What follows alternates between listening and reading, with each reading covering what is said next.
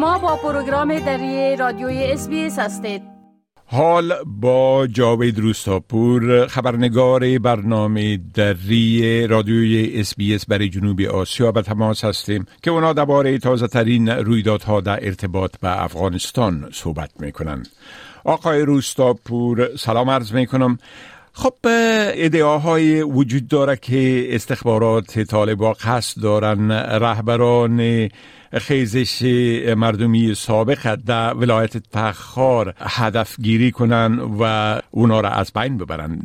بله؟ با سلام وقت شما بخیر آقای شکیب بله امان گونه که شما اشاره کردین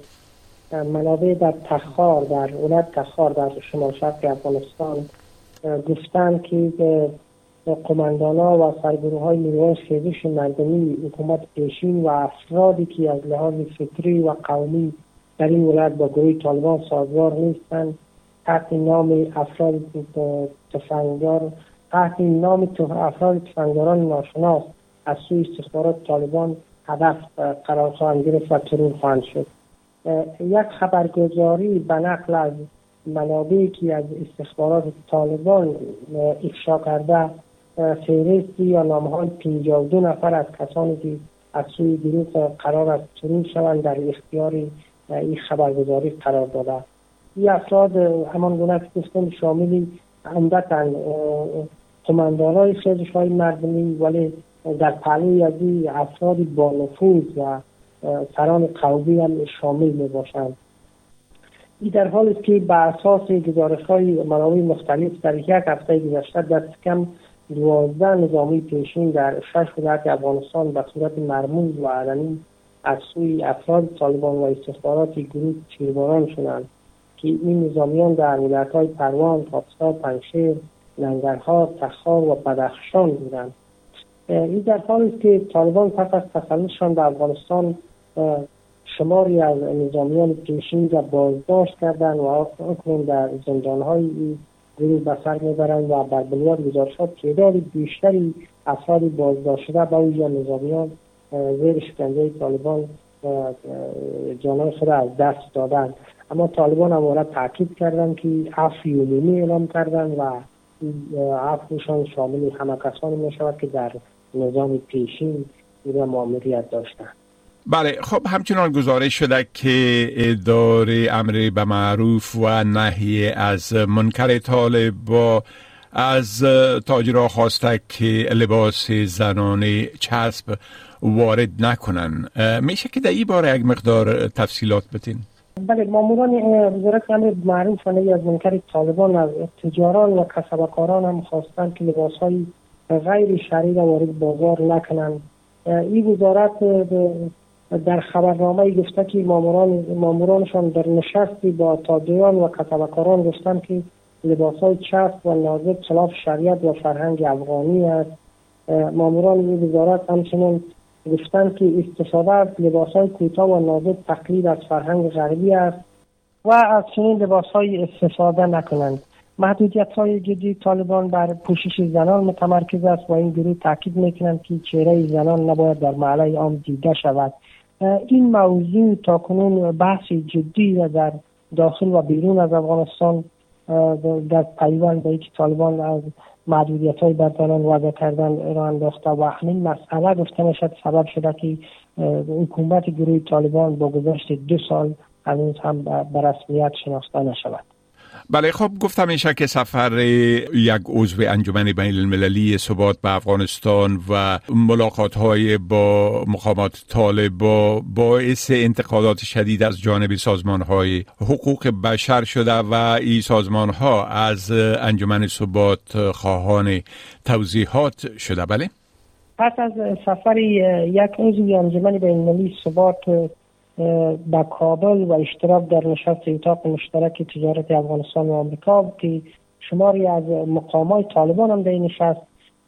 شرکت داشتن. شماری از فعالان حقوق بشر در یک نامه سرکشاده از این انجمن خواستار توضیح شدند. این نامه که بیشتر از هفتاد نفر از فعالان حقوق بشر و سازمان های حقوق بشری افغانستان را امضا کردند و روزنامه‌نگاران هم در شامل بودند. در این نگرانی خود را از سفری عضو بورد مشورتی انجمن به کابل و اشتراک در این نشست ابراز کردن و گفتن که این موضوع در حقیقت تامین روابط با رژیم یا پارتای جنسی طالبان است. فعالان علی افغانستان این دیدار, دیدار را در تضاد با ماموریت انجمن بینالمللی ثبات برای تقویت صلح و امنیت بینالمللی و جهانی عنوان کرده و گفتند که چنین رفتارهایی به شهرت و اعتبار این نهاد صدمه می‌زند. این در حالی است که این نشست چند روز پیش در کابل برگزار شد و مقامای طالبان هم در این نشست اشتراک داشتن از جمله ملا برادر معاون ریاست الوزرای طالبان و پس از این طالبا اعلامیه دادند که روابطشان با دنیا در حال بیبود است و تاکید کردند که اشتراکی نهادهای بین المللی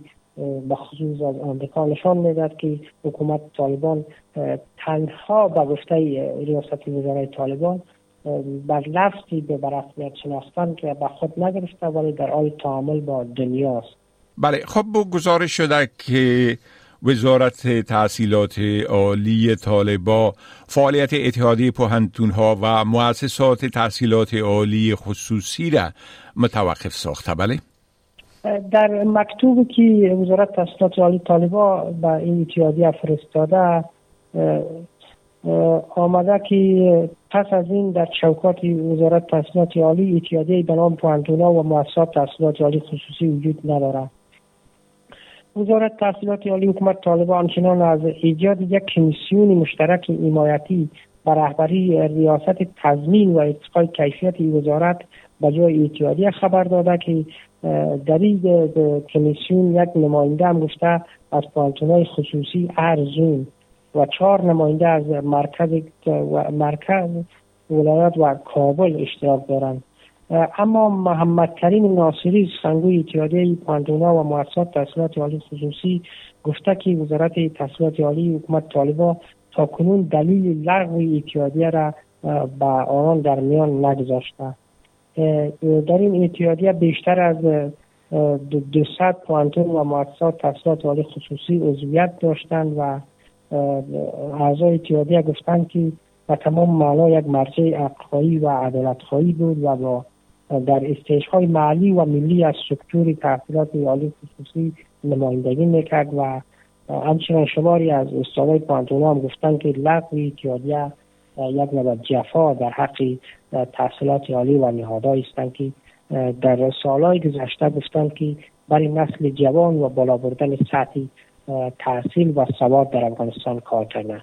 بله خب بسیار تشکر آقای روستاپور از زی معلوماتتان و فعلا شما را به خدا می سپارم و روز خوش برتان آرزو می کنم وقتی شما هم خوش خدا حافظ و ناصرتان می خواهید این گونه گزارش ها را بیشتر بشنوید؟ با این گزارشات از طریق Apple Podcast، Google Podcast، Spotify و یا هر جایی که پادکاستتان را می گیرید گوش دهید.